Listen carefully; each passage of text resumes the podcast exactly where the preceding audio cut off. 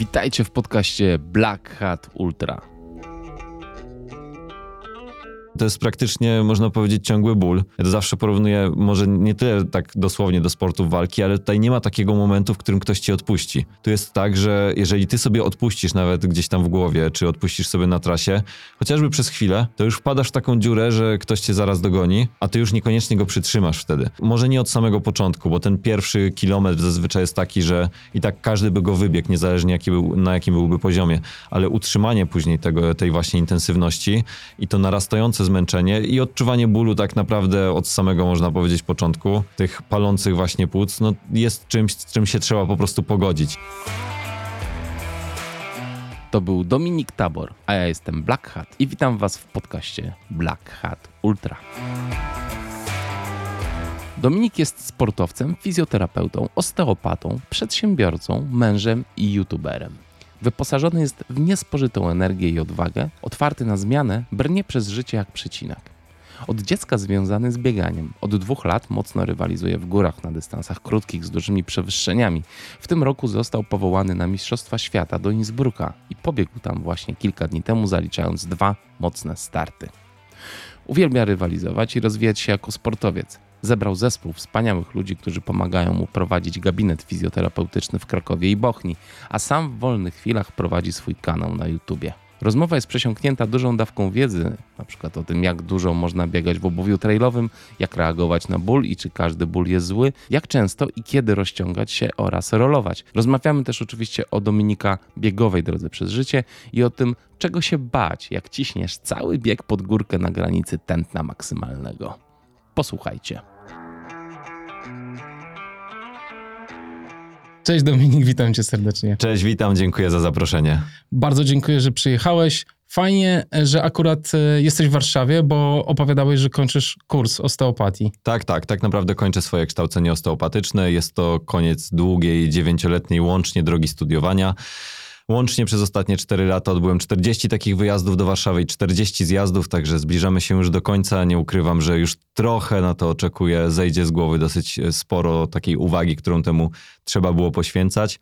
Znajdujemy się na końcówce, było fajnie, ale już czekam na to, co będzie później. A czemu masz tyle lat musiałeś studiować osteopatię? Dlatego, że aby zostać osteopatą w Polsce, trzeba na początku mieć podstawowe wykształcenie medyczne, więc w moim przypadku było to na początku 3 lata studiów licencjackich na fizjoterapii, później 2 lata studiów magisterskich na fizjoterapii i później czteroletni cykl kształcenia tego już podyplomowego jako osteopata. Można by to zamknąć o wiele krócej, czyli na przykład 3 lata licencjatu w jakimkolwiek dowolnym zawodzie medycznym, bo też tutaj nadmienię, że można tak naprawdę zostać osteopatą nie tylko będąc fizjoterapeutą, co jest w Polsce najpowszechniejsze, ale również można zostać osteopatą, będąc lekarzem, położną, pielęgniarką, ratownikiem medycznym bodajże, czyli trzeba mieć po prostu to podstawowe wykształcenie e, takie medyczne, a później jeszcze te 4 lata odbyć na osteopatii. Ty prowadzisz swoją praktykę już od kilku lat. Jak ty w swojej praktyce rozdzielasz fizjoterapię od osteopatii? Czy też to się stało już po prostu jednym, e, jednym tworem dla ciebie? Mm, zawsze porównuję to trochę do czegoś takiego, jak jest u lekarzy, czyli jeżeli jesteśmy lekarzem, możemy być jednocześnie specjalistą w zakresie, powiedzmy, ginekologii, ale jeżeli strzelę tutaj bardzo odległym e, przykładem, możemy być też ortopedą. Tu sprawa wygląda dosyć podobnie. Te dwa podejścia w pewnym e, sensie się ze sobą stykają i uzupełniają, ale tak naprawdę osteopatia to jest zupełnie coś innego niż podejście czysto fizjoterapeutyczne, więc jest dosyć duża różnica, którą też często pacjenci widzą idąc na przykład do osteopaty, a idąc tylko i wyłącznie do fizjoterapeuty, jeżeli ktoś nie łączy jakby tych dwóch dziedzin ze sobą. Oczywiście nie jest to tak, że jeżeli przychodzi pacjent, to nie oferuję mu wiedzy z zakresu tych dwóch dziedzin, ponieważ zawsze musimy przede wszystkim wziąć pod uwagę to, co w danym momencie jest najlepszą możliwą interwencją według naszej najlepszej na ten moment obecnej wiedzy, naszego doświadczenia i też oczekiwań pacjenta. Więc nie jest to może tak, że granica się mocno zaciera, ale da się dosyć mocno powiedzieć, kiedy działam tylko i wyłącznie w sposób taki, jak działałby fizjoterapeuta, a kiedy działam w taki sposób, jak działałby bezpośrednio już osteopata. A byłbyś w stanie w kilku słowach, w jednym akapicie opowiedzieć, czym na przykład jest działanie czysto fizjoterapeutyczne, a czym osteopatyczne, żeby na przykład, wiesz, nasi słuchacze wiedzieli. Jasne, oczywiście. Mm, najprościej na naszym przykładzie użyć tutaj czegoś, co wszyscy rozumiemy i widzimy, czyli mobilności. Powiedzmy, że mamy do czynienia z ograniczeniem mobilności stawu skokowego. Nie możemy wykonać pełnego zgięcia grzbietowego, więc na przykład czujemy ból przy podbieganiu, Wtedy, jako fizjoterapeuta, przede wszystkim skupiałbym się na tym, co zaburza funkcję tego stawu. Czyli dlaczego ta kość nie chce się poruszać, kość skokowa względem kości piszczelowej i strzałkowej nie chce się poruszać w odpowiednim kierunku. Dlaczego na przykład pojawia się za duże napięcie mięśniowe i leczyłbym właśnie tą konkretną funkcję. Natomiast jako osteopata zastanowiłbym się nad tym, czy coś z punktu widzenia neurologii, czyli na przykład nerw strzałkowy nie uległ jakiemuś rodzajowi podrażnienia, czy powięź na przykład obszaru miednicy jest w porządku, czy nie mamy do czynienia z procesem kompensacyjnym z kolei, czyli takim dostosowaniem do czynników, które nastąpiły w życiu naszego pacjenta wcześniej. Mhm. Więc e, powiedziałbym, że e, tak podsumowując, fizjoterapeuta oddziałuje bezpośrednio w ramach funkcji, którą prezentuje dany pacjent, często starając się ją skorygować, a osteopata szuka um, też takich czynników, które mogą wpływać niekoniecznie w sposób tylko biomechaniczny, na funkcję tej okolicy, albo inaczej na ekspresję funkcji tej okolicy. Czyli mhm. to, że. Czy tak bardziej holistycznie tak, trochę patrzę. może y, chciałbym też to tutaj trochę oddzielić, mhm. bo bardzo wielu fizjoterapeutów też patrzy w sposób globalny na, na pacjentów i też oceniają różne y, zależności. Natomiast jeżeli chodzi o osteopatię, to tutaj bardziej my chcemy modyfikować tą już funkcję, którą wykazuje pacjent, niejako szukając z nim zdrowia. I tym to się też w pewien sposób różni, że tak jak przedstawiłem to podejście fizjoterapeuty osteopaty wcześniej. Fizjoterapeuta będzie szukał przede wszystkim czegoś, co moglibyśmy nazwać dysfunkcją, patologią, czyli czymś, co jest zaburzone w tym konkretnym regionie. Natomiast osteopata będzie szukał czynników, które blokują ciału możliwość powrotu do tej naturalnej swojej pozycji, czy do ekspresji naturalnej, konkretnej funkcji, która powinna się znaleźć w danym stawie, mięśniu, powięzi i tak dalej. Mhm. E, masz taki fajny filmik e, na YouTubie, w którym opowiadasz troszeczkę, jak się zainteresowałeś fizjoterapią. Tak. Że miałeś 14 lat, e, Dokładnie. doznałeś kontuzji i wtedy ciebie zafascynował ten świat. Jak to się stało, że w ogóle, co robiłeś jako 14-latek? I jaką kontuzję wtedy miałeś? Jasne. Ja zacząłem swój trening taki lekkoatletyczny, ponieważ do biegów górskich tak naprawdę trafiłem z lekkiej atletyki. Zacząłem go w wieku 13 lat bodajże, w 2008 roku. I wtedy była to bardziej oczywiście zabawa. Zostałem zauważony przez trenera. E, pojawiły się pierwsze sukcesy na poziomie wojewódzkim, później ogólnopolskim. Natomiast jeszcze wtedy trenowało się w sposób taki zabawowy. Natomiast już e, wkraczając w wiek 14 lat, wkracza się w pierwsze, można powiedzieć, ramy szkolenia Polskiego Związku Lekkiej Atletyki, czy e, lokalnych związków lekkiej atletyki. Więc pojawiają się różne wyjazdy na obozy, pojawiają się zgrupowania, pojawiają się takie już bardziej ustrukturyzowane treningi. I wtedy właśnie pojechałem na swój taki pierwszy obóz i to, co zrobiłem z tego, co wtedy dobrze pamiętam, e, to było nastąpienie na kamień, bardzo ostry kamień e, stopą. No i poczułem tylko, Goło? że... Gołą nie, nie, nie. To było, to było akurat w górach, to było mhm. w Muszynie. Byliśmy na wycieczce biegowej, jak gdzieś niefortunnie stanąłem na taką nierówność. I doszło, tak jak już z biegiem lat sobie mogłem to gdzieś tam usystematyzować, do podwichnięcia jednej z kości w obrębie stopy. To był taki ból, y, że dało się chodzić tylko i wyłącznie na palcach, o bieganiu nie mogło być mowy. Nie było ryzyka złamania, ponieważ zostało to też y, odpowiednio ocenione. Natomiast trafiłem na całe szczęście do fizjoterapeuty, który akurat był wtedy z nami na tym obozie, bo też muszę zaznaczyć, że to nie jest taki luksus. Teraz już może trochę częściej, ale wtedy to w ogóle nie było takiego luksusu, że fizjoterapeuci jeździli szczególnie z tymi młodszymi rocznikami e, właśnie na zgrupowania. I on bardzo szybko ocenił tą moją stopę, zapytał mnie o moje symptomy, e, wykonał kilka testów. I później e, zdarzyła się właśnie ta rzecz, która mnie najbardziej, można powiedzieć, zafascynowała, bo naukami takimi biologicznymi, anatomią fascynowałem się już właściwie odkąd zacząłem biegać, czy odkąd się zacząłem interesować w ogóle takim szeroko pojętym sportem. Natomiast e, do tej pory o wiele bardziej myślałem o medycynie do tego 14 roku życia. Natomiast fizjoterapeuta Michał Kaczmarek, zresztą bardzo serdecznie go pozdrawiam, bo odegrał też dużą rolę w moim kształceniu. Wziął tą moją stopę, wykonał odpowiedni ruch dwiema rękami, poczułem e, taki charakterystyczny klik, który większość też słuchaczy może kojarzyć właśnie z takimi manipulacjami. No i polecił mi, żebym przetestował stopę. I co się okazało, nagle w przeciągu tych kilku sekund ból, który był wcześniej obezwładniający, spadł o ponad 70%. I to było dla mnie takie wow, że można leczyć ludzi w ten sposób, że to nie musi być zabieg, że to nie musi być od razu wysłanie na jakieś e, skomplikowane procedury medyczne. Tylko, Prześwietlenia, cięcia. Tak, dokładnie, tylko że własnymi mhm. rękami w tym momencie tu i teraz można pomagać ludziom właśnie w bólu i widzieć od razu też ten efekt. No i to już była taka, można powiedzieć, iskierka i już wtedy e, poszło. Więc od wieku 14 lat, wtedy od tego lutego 2000 to był dziewiąty rok, już wiedziałem, czym się będę w życiu zajmował. Mhm.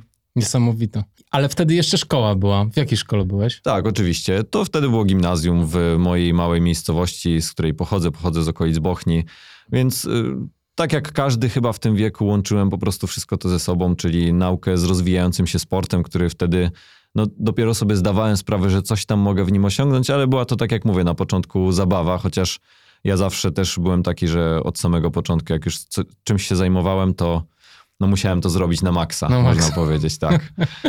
E, słuchaj, opowiedziałeś, że w, w, na jednym z filmów na YouTubie też od razu wszystkim bardzo polecam twój kanał, bo jest, e, budujesz bardzo fajną rzecz tam rzeczywiście. Dzięki. Dużo wiedzy i, e, i też vlogi robisz fajne, biegowe, także myślę, że każdy znajdzie tam coś dla siebie.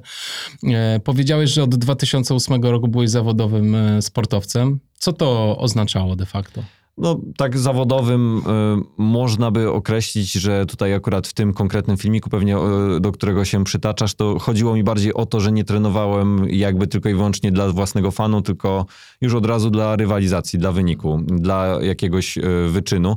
Także mogę powiedzieć, że tak naprawdę do tego wieku juniorskiego mm, trenowałem naprawdę tak bardzo, bardzo mocno, co może do tego później dojdziemy, było też przyczyną moich wielu nieszczęść zdrowotnych, które miałem. Więc y, dużą część mojego tak naprawdę funkcjonowania w tych czasach, mniej więcej od tego 2000, mogę powiedzieć bardziej 10 już roku do 2015 roku, zajmowało po prostu trenowanie. W sensie cały dzień tak naprawdę był podporządkowany temu, żeby trenować. I Wiązałem z tym też na ten moment bardzo dużą przyszłość, y, na co były też pewne predyspozycje, więc y, pomimo tego, że oczywiście się uczyłem, chodziłem do normalnego liceum, nie chodziłem do szkoły sportowej, ale jednak zawsze ten sport był taki dla mnie, można powiedzieć, na pierwszym miejscu. Pod niego układałem też i swój sen, regenerację, plan dnia, wszystkie moje aktywności. Czyli wszystko było pod sport? Mogę powiedzieć, że mhm. na tamten moment tak, mhm. że wszystko układałem po prostu pod sport. W związku z tym, no mogę powiedzieć, że nawet pokusiłbym się chyba o stwierdzenie, że wtedy było to bardziej wyczynowe niż to, co robię teraz. No, tak. no pomimo tego, że jakby teraz to, to, co robię jest na znacznie wyższym poziomie, jeżeli chodzi o wynik sportowy. Natomiast to, co robiłem wtedy, no to no tak, tak To był fokus po prostu. Tak, to, mhm. był, to był ogromny fokus. Bo dokładnie. teraz i praca, i, i bieganie, i firma, i YouTube, i wszystko. Jasne, no jest, te, jest, tego, jest tego trochę więcej, tak. natomiast człowiek jest też trochę mądrzejszy w układaniu swojego dnia. A, to na pewno. Bardziej potrafisz optymalizować dokładnie. te rzeczy.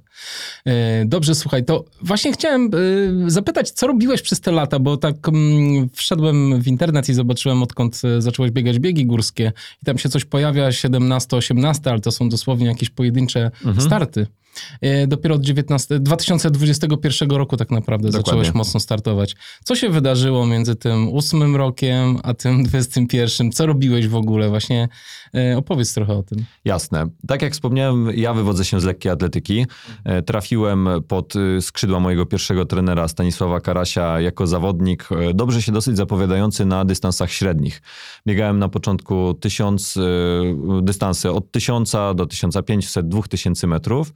I zdobywałem w młodszych kategoriach aż do wieku juniora, zdobywałem medale Mistrzostw Polski właśnie. Najczęściej zdobywałem medale Mistrzostw Polski w biegach przełajowych, bo od samego początku zdradzałem też dosyć duże zdolności do biegania właśnie w terenie. Niekoniecznie do końca na bieżni, chociaż tam też osiągałem bardzo dobre wyniki.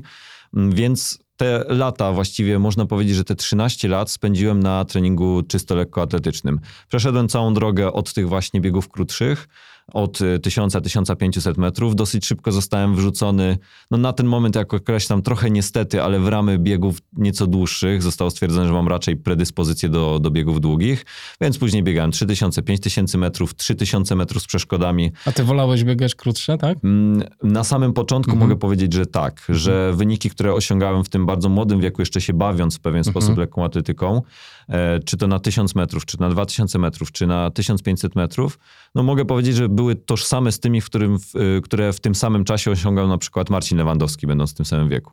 Więc to dawało mi jakby taką nadzieję, że mogę w tym świecie się trochę dalej, e, dalej obracać.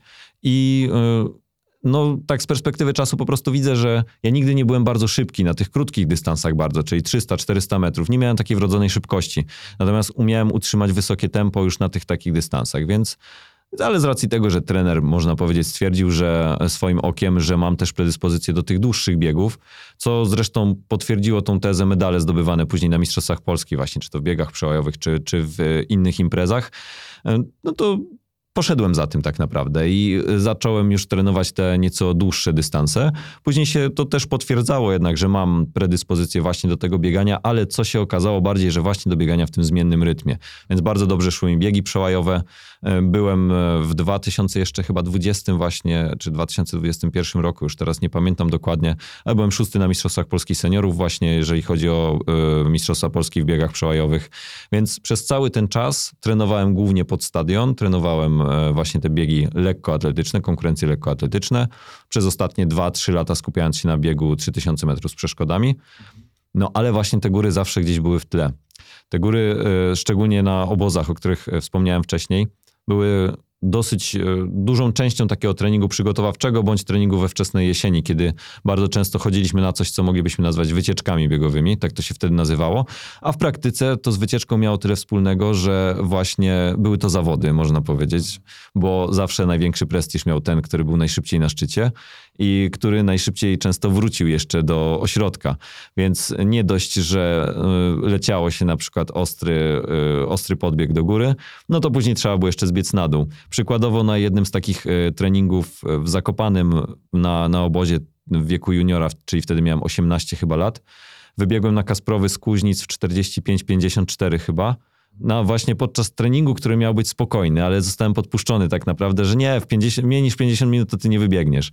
Więc... Y Góry cały czas były z tyłu, ale nigdy pod nie nie trenowałem. I stąd też te takie y, starty, te strzały krótkie tam w 2017-2018 roku. E, trener po prostu stwierdził, że tak bez żadnego przygotowania stwierdził, a pojedź sobie na Mistrzostwa Polski i zobaczysz jak to jest. No byłem jakby typowym przykładem kogoś, kto przechodzi z takich biegów, czyli bez żadnego doświadczenia. Zaczynałem bardzo mocno, bardzo szybko opadałem z sił. E, odczuwałem te biegi później przez około dwa tygodnie, bo w ogóle nie byłem do nich przygotowany ale w końcu w tym 2000, można powiedzieć już podczas pandemii w 2020 roku, kiedy nie wiadomo było, co się będzie działo w ogóle z sezonem, zacząłem biegać więcej w górach właśnie. Zacząłem sobie wychodzić na treningi w góry. Wtedy też odkryłem coś, co się nazywa strawa, e, dopiero wtedy. No i y, zarazili mnie tam koledzy właśnie też tym, że a popatrz tutaj, no to ty taki mocny jesteś, no to spróbuj tego koma podbiec na przykład. No jak się okazało, że tam się biło te rekordy jakieś kilkadziesiąt sekund, E, no, nie zdawałem sobie wtedy jeszcze jakby, nie, nie znałem tak tego środowiska biegów górskich, ale też coś tam poczułem, że no, coś może bym tutaj jeszcze zrobił, a muszę też nadmienić, że tak naprawdę do, tych, do tej lekkoatletyki to bardziej już, szczególnie w tym końcowym etapie, trzymał mnie bardziej ten sentyment bo mm, jako senior czy jako młodzieżowiec często nie mogłem rozwinąć skrzydeł, bo mm, właśnie efektem tego też, co powiedziałem wcześniej, czyli tego skupienia się takiego bardzo mocnego na bieganiu, było też to, że praktycznie zawsze w sezonie letnim łapałem jakąś kontuzję. Wynikało to po prostu z mojej czystej głupoty, ponieważ ja trenowałem za mocno. Dokładnie, tak. Przesadzałem. Trenowałem za mocno i pomimo tego, że miałem bardzo dużą świadomość zdrowotną, mhm. to myślałem, że mnie te prawidła wszystkie i zasady nie dotyczą, że okej, okay, ja mam sobie świadomość. Poradzisz. Tak, ja mam świadomość, ja sobie jakoś poradzę, ja mogę mhm. tak w ten sposób trenować i się nic nie stanie. A mhm. efektem tego było na przykład to, że przez pięć czy sześć sezonów z rzędu w tym samym momencie w okresie y, letnim, przejścia wiosennego w letni, łapałem kontuzję, wyłączało mnie to z rywalizacji tak naprawdę w takim momencie, w którym powinno się robić najlepsze wyniki. Później musiałem to znowu odbudowywać i stąd też brało się to, że zawsze najmocniejszy byłem w sezonie halowym, ale najmocniejszy też w ogóle w sezonie przełajowym. No i tak właśnie doszliśmy do tego roku 2020. Pobiegałem trochę A powiedz, a jak teraz? Yy, mhm. Czy teraz lepiej potrafisz czytać swoje ciało? Oczywiście, tak. Mm. To mogę powiedzieć już, że tak naprawdę pasmo tych kontuzji skończyło się gdzieś w 2016-2017 roku, kiedy trochę więcej już zrozumiałem. Wtedy poszedłem na studia właśnie, trochę więcej zacząłem uczyć się o fizjologii, trochę więcej zrozumiałem też z zakresu anatomii i to nie było jakieś takie nagłe olśnienie, można powiedzieć, ale suma tych wszystkich rzeczy, nawet podświadomie trochę wywołała to, że trochę odpuściłem, szczególnie też z takim e, sfokusowaniem się tylko i wyłącznie psychicznym na sporcie, bo to też jest ogromny aspekt, który jest czynnikiem ryzyka kontuzji. I nagle zaczęło się pojawiać zdrowie po prostu w tym wszystkim. Czyli to nie było tylko tak, że trenowałem od kontuzji do kontuzji, tylko pojawiło się zdrowie, pojawiła się ta większa właśnie świadomość i mimo tego, że odpuściłem nawet niektóre rzeczy, które wiązalibyśmy z odnową biologiczną, czyli nie, nie skupiałem się właśnie wtedy już tak na rozciąganiu, na rolowaniu, na e, bardzo mocnym fokusie na ćwiczenia core i tak dalej, to nagle się okazało, że odpuszczenie tego wszystkiego dało mi więcej korzyści niż robienie właśnie tego więcej. A co robiłeś w zamian?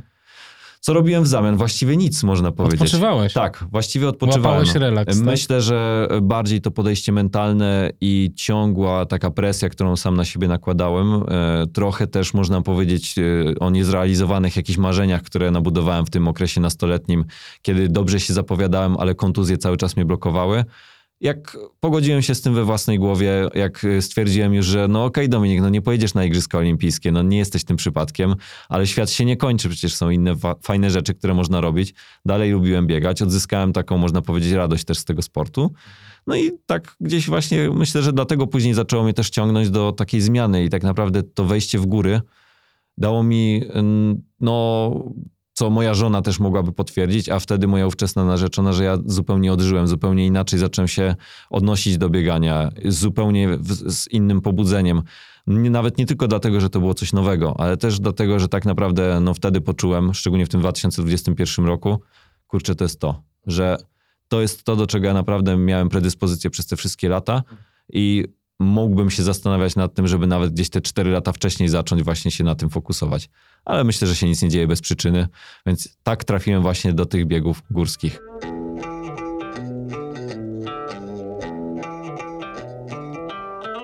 Tak, idzie ci rewelacyjnie. Teraz e, jesteś na, powołany na dwa biegi na Mistrzostwach Świata w Austrii, także e, wszyscy jesteśmy ciekawi, jak tam wystąpisz. Fajnie będzie. E, zamierzasz oba te biegi pobiec, taka a propos? tak, I Vertical i, i ten Mountain Classic, tak? Tak, tak, oczywiście. Tutaj nie ma żadnego odpuszczania. Mamy bardzo fajną drużynę. Mhm. Można powiedzieć, że po raz pierwszy w historii jedzie aż tak duża drużyna też i te Mistrzostwa Świata są organizowane no po raz drugi e, pod egidą World Athletics, ale e, widać też po tym, co robi organizator. I trochę też jak podszedł do tego Polski Związek Lekkiej Atletyki, że no jesteśmy traktowani trochę poważniej, więc tutaj no nie wyobrażam sobie na przykład, porównując to do lekkiej atletyki, żeby jeżeli ktoś jest powołany na przykład w biegu na 400 metrów i 400 metrów przez płotki, jeżeli nie ma oczywiście jakichś tam bardzo dużych aspiracji że i kolizji pomiędzy tymi dwoma konkurencjami, żeby nie wystartował w obu. To jest po prostu nie do pomyślenia, więc jeżeli tylko jest zdrowie tak, i jest no, powołanie, to... Pytanie, czy się zregenerujesz po tym wertikalu, nie? E, wiesz co, tak naprawdę patrząc na to, co było w Szczawnicy, czyli to, że biegaliśmy dzień po dniu i było około 24 godziny tak naprawdę przerwy pomiędzy zakończeniem wertikala a początkiem, początkiem klasika, to myślę, że tutaj te dwa dni przerwy to jest normalna przerwa, taką jak robimy czasami między akcentami biegowymi. No tak, wiesz co, ja też muszę trochę swoją głowę przestawić, bo, yy, bo ty biegasz krótkie te, te rzeczy. Jasne, jak na to pewnie co, co ty biegasz, a my, to A my to wiemy, my to tutaj opowiadamy o biegach, wiesz, yy, dłuższych. Yy, natomiast y, to jest nie mniej fascynujące, bo wiesz, wyrwać takie 7 kilometrów i 1000 metrów przewyższenia, to po prostu y, widziałem jakiś film chyba z, ze Szczawnicy, jak wy tam po prostu łoicie pod górę. To jest niesamowite. Ciężki oddech w ogóle i taki power na podbiegu w ogóle non-stop. E, ogromny wysiłek po prostu, ogromny. E, jak ty w ogóle się czujesz na takim podbiegu? Palą cię płuca i nogi bolą i po prostu ciśniesz ile fabryka dała? Czy jesteś w stanie tam jakiś, jakąś taktykę zastosować? Wiesz co, taktykę myślę, że da się zastosować zawsze. Najważniejszą taktyką myślę dla wszystkich, szczególnie w tych takich krótszych biegach, na których się cały czas biegnie powyżej progu beztlenowego praktycznie, to jest to, żeby nie zacząć za mocno, bo jeżeli zaciągnie się ten dług na tych pierwszych 3-5 minutach, to później naprawdę może to mocno oddać w późniejszej części dystansu. Ale odpowiadając na pytanie, tak, oczywiście, to jest praktycznie, można powiedzieć, ciągły ból. To nie jest tak, że y, szczególnie jest jakieś miejsce na odpuszczenie. Ja to zawsze porównuję, może nie tyle tak dosłownie do sportów walki, walki, ale tutaj nie ma takiego momentu, w którym ktoś ci odpuści. Tu jest tak, że jeżeli ty sobie odpuścisz nawet gdzieś tam w głowie, czy odpuścisz sobie na trasie, chociażby przez chwilę, to już wpadasz w taką dziurę, że ktoś cię zaraz dogoni a ty już niekoniecznie go przytrzymasz wtedy. Więc od samego, może nie od samego początku, bo ten pierwszy kilometr zazwyczaj jest taki, że i tak każdy by go wybiegł, niezależnie jaki był, na jakim byłby poziomie, ale utrzymanie później tego, tej właśnie intensywności i to narastające zmęczenie i odczuwanie bólu tak naprawdę od samego, można powiedzieć, początku, tych palących właśnie płuc, no jest czymś, z czym się trzeba po prostu pogodzić i kto umie też najmocniej się w głowie z tym uporać, no to mhm. ten po prostu często wygrywa. Tak, ty tam biegłeś chyba z tętnem 180 kilka średnim. Tak, tak, średnio 180 chyba 2 albo 184. To jakiś kosmos. I to, to się jest... utrzymywało tak równiutko, jak patrzyłem na wykres przez cały czas, więc e, no można powiedzieć, że no to, to był taki, jakbyśmy to porównywali, no to taki wysiłek praktycznie maksymalny na tym dystansie, Maksy. który by się dało zrobić. Ale wiesz co, ja sobie myślę, no dobra, e, lecisz, słuchaj, masz to tętno po prostu wyżyłowane. Ty się nie boisz, że ci nagle po prostu, wiesz, że coś sobie zrobisz? Nie, szczerze mówiąc, to też e, wynika z tego, że ja jednak mam już doświadczenia ogólnie w bieganiu 15 lat, więc e, znajomość organizmu mam taką, że nawet i jakbym nie kontrolował w ogóle tego w żaden sposób, bo też zaznaczę, że podczas zawodów nie patrzę w ogóle na to tętno. Nie ma, ja używam tego tylko później w celach informacyjnych z trenerem do analizy. Natomiast ja w ogóle nie patrzę na zegarek w trakcie takich zawodów. To jest po prostu lot od, od samego początku do końca i organizm tak naprawdę mówi o tym, co się dzieje, ale nie ma takiego ryzyka, że na przykład się przekręcisz, że sercowo na przykład nie wytrzymasz, że coś się stanie z twoimi płucami, czy coś bardzo negatywnego się stanie. Po prostu najgorsze tak naprawdę, co się może stać i to też mi się zawsze podoba, jak mój, e, jeden z moich przyjaciół i współpracownik mnie zawsze dopinguje, no to on mówi, że no co, przecież nie umrzesz. No to po co masz odpuszczać, nie? Że przetrzymasz przecież przez te pół godziny, no co się może najgorszego stać? Najwyżej cię zetnie z bombi i tyle. No tak. Więc y, nie ma takiego w ogóle strachu. Y, stres zawsze jest związany z tym, że jeżeli się rzeczywiście rywalizuje na tym poziomie z chłopakami, no to mm, jednak te niuanse często grają taką dosyć dużą rolę i właśnie przekręcenie się chociaż o te kilka tam procent i niezaufanie też swojemu organizmowi, no bo czasami też to trzeba zrobić, żeby kogoś na przykład odpuścić na kilka, kilkanaście metrów, ale tym swoim rytmem za nim lecieć. No i trzeba tak właśnie do tego podchodzić, ale nie ma żadnego strachu przed tym, że coś się, coś się złego stanie. Ale taki bieg dla ciebie to jest trudna gra? W sensie, czy, bo to jest rodzaj gry. To nie jest tak, że wy wszyscy lecicie po prostu na hura, znaczy lecicie, ale, ale obserwujecie się nawzajem, mhm. prawda? Więc to też troszeczkę y, musicie mm, reagować na to, jak, jak, jak biegną przeciwnicy.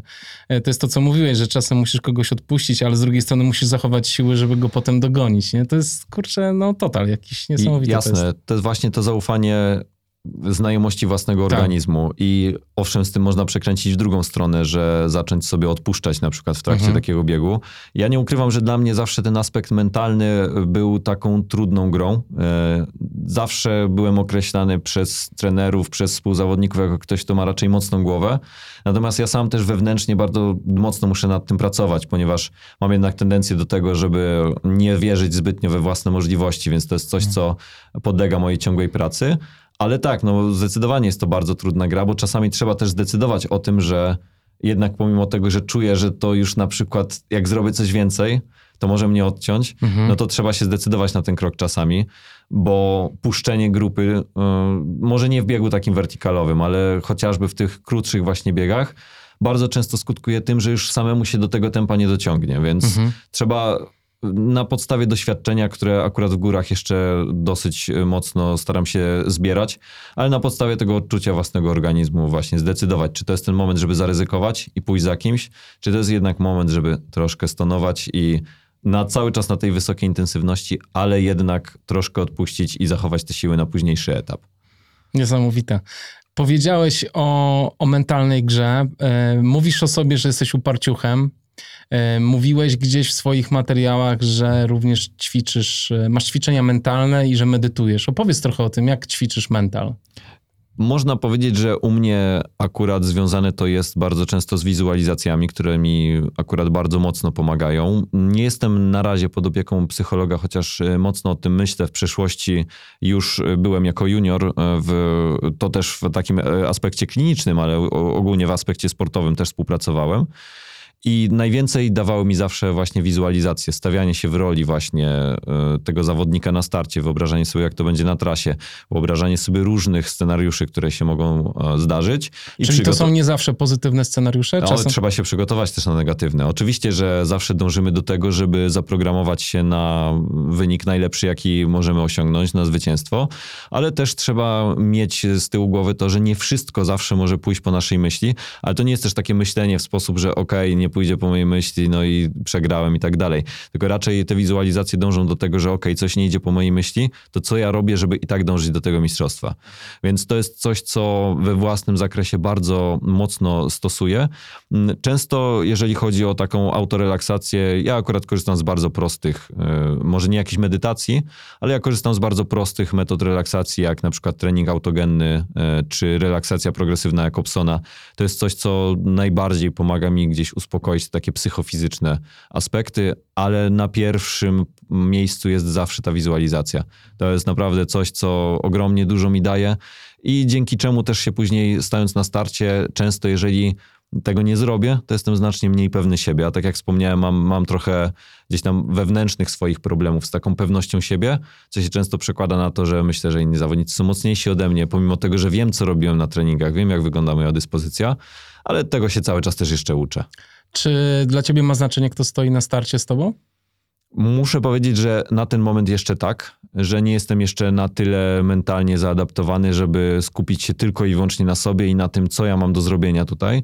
Często e, wiedząc, że będzie ze mną jakiś mocny inny zawodnik, e, dosyć dużo o tym myślę, właśnie w jakiej on jest dyspozycji, co on zrobi, a no tak naprawdę nie powinienem się na tym skupiać. Także na tym etapie jeszcze tak, ale raczej dążę do takiego wyeliminowania tego ze swojej głowy, żeby nie skupiać się na innych, tylko na sobie, ale też jednocześnie zaznaczę, że bardzo ważne jest, żeby wiedzieć w ogóle, kto z nami biega, bo znając też zawodników, znając na przykład ich jakiś styl, e, można też się przygotować na pewne rzeczy. Więc e, ja pracuję akurat nad tym, żeby oddzielić tą e, sferę skupiania się na tym, co zrobią oni, właśnie od tego analizowania, jak to może wyglądać w sensie pozytywnym. Więc tak, na ten moment ma to do mnie dosyć duże znaczenie. Czyli co? Cholera, znowu Łobodziński przyjechał, tak? Nie, może nie aż tak, nie, nie. Ja muszę też zaznaczyć, że ja akurat y, w tym środowisku też górskim jestem dosyć nowy i ja jeszcze, oczywiście Piotrka na przykład, Dawida, wszystkich z czołówki dosyć dobrze, dosyć dobrze kojarzę, natomiast bardzo często nie kojarzę pewnych jeszcze nazwisk. Y, ludzie zawsze mi mówią wtedy, a ty się nie przejmuj, ciebie kojarzą. No, ale y, nie, nie myślę w ten sposób. To jest zawsze tylko może coś, o czym wspomniałem wcześniej, czyli że takie chwilowe ukucie tej niepewności, kurczę, że przyjechał mocny zawodnik, czy ja sobie poradzę w rywalizacji z nim, ale tak jak mówię, staram się się cały czas przełączać na to myślenie takie w sposób, dobra, skup się na tym, co ty możesz zrobić, a nie na tym, że jest z tobą ktoś mocny. Bo do tego też dążymy tak z trenerem, żeby po prostu wygrywać i biegać z tymi najmocniejszymi. Czy stresujesz się na starcie? To jest inny rodzaj już stresu niż był kiedyś. Teraz już w większości przypadków stres jest dla mnie bardzo mobilizujący, czyli nie stresuję się już kilka dni przed zawodami, jak to było w moim młodszym wieku. Tak jak mówię, mam za sobą jednak 15 lat praktycznie startów i mógłbym to w dziesiątkach liczyć, na ilu imprezach też bardzo krótkich e, startowałem. Więc stres jest, ale stres jest bardzo mobilizujący. On jest taki, że stoję na starcie, wiem, że to jest coś, co mi pomoże, chociaż jednocześnie często to też jest e, takie coś, z czym muszę akurat walczyć, czyli e, poziom takiego niskiego trochę pobudzenia, że wiesz, że się ziewa na przykład na, stojąc na starcie, no to to już jest coś nie tak. I wtedy się pojawia jakaś takie w głowie też myśli, takiej niechęci do tego, że wiem, co mnie zaraz będzie czekać, ja wiem, ile to kosztuje, wiem, jak to boli, a w głowie pojawia się myśl, kurczę, no po co ty to robisz, nie? Że dlaczego ty to w ogóle stoisz, że fajnie było, jakby to się już skończyło. I to trzeba odciąć bardzo szybko. Ale na szczęście już coraz e, bardziej panuję nad takimi emocjami. Ale masz jakieś techniki, którymi właśnie się odcinasz od tego, czy po prostu, no właśnie, co robisz wtedy? Tak, ja mam, e, ja mam taką jedną technikę, której jeszcze się nauczyłem jako junior, e, gdy zostały zidentyfikowane, można powiedzieć, te moje takie deficyty siły mentalnej. I to jest dla mnie taka technika stop.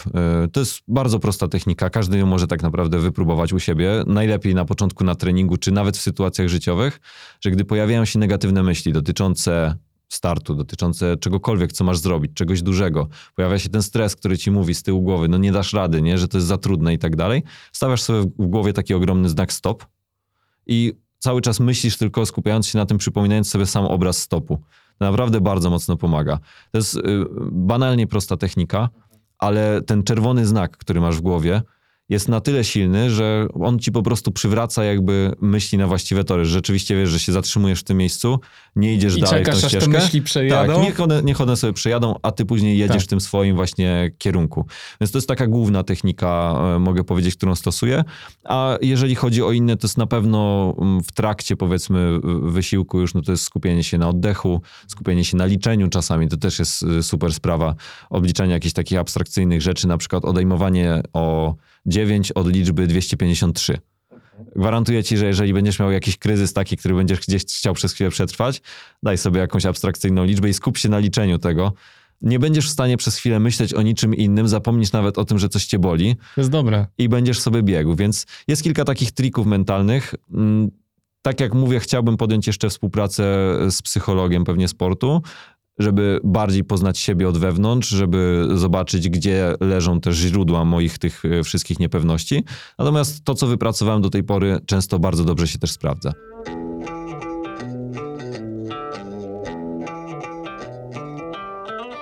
Przecież chciałem wrócić do tego, ile rzeczy ty w życiu robisz. Bo teraz mówisz o tym, jak jesteś strasznie skupionym sportowcem i że w ogóle chcia, chciałeś jeszcze ym, zatrudnić psychologa i rozmawiać i rozwijać się ciągle. Z drugiej strony własny gabinet, YouTube, marka osobista, żona. Jak ty łapiesz balans w tym wszystkim? Jak ty, jak ty podchodzisz do tych różnych działań? To zawsze jest takie bardziej, można powiedzieć, globalne planowanie. E, Wiem, kiedy na przykład w ciągu miesiąca czekają na mnie obowiązki płynące z tego, że jestem przedsiębiorcą, że e, mam swój zespół, że zatrudniam ludzi. Wiem, kiedy będę miał więcej tych obowiązków, więc wtedy jest więcej czasu przeznaczone w ciągu dnia na te rzeczy.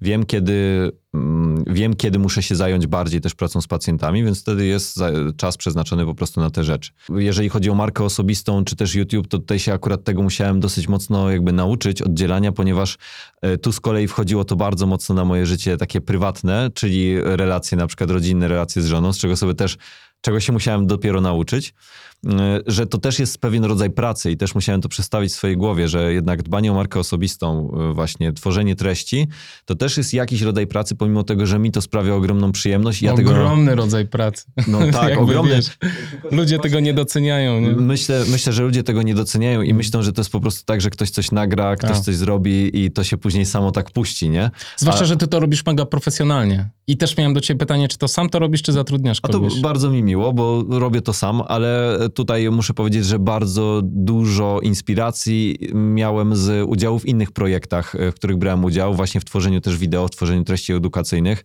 Bardzo dużo się tam nauczyłem, zobaczyłem jak to wygląda i też stwierdziłem, że nie jest to aż taka czarna magia, jak mi się wcześniej wydawało. Więc mm, to jest... Trudno trochę mnie zrozumieć osobie, która nigdy nie była na przykład e, w takim miejscu, nie robiła tylu różnych rzeczy, bo dla mnie to jest, e, mogę powiedzieć, norma. W sensie ja nie traktuję tego jako coś, że ja się czuję przeładowany tym wszystkim.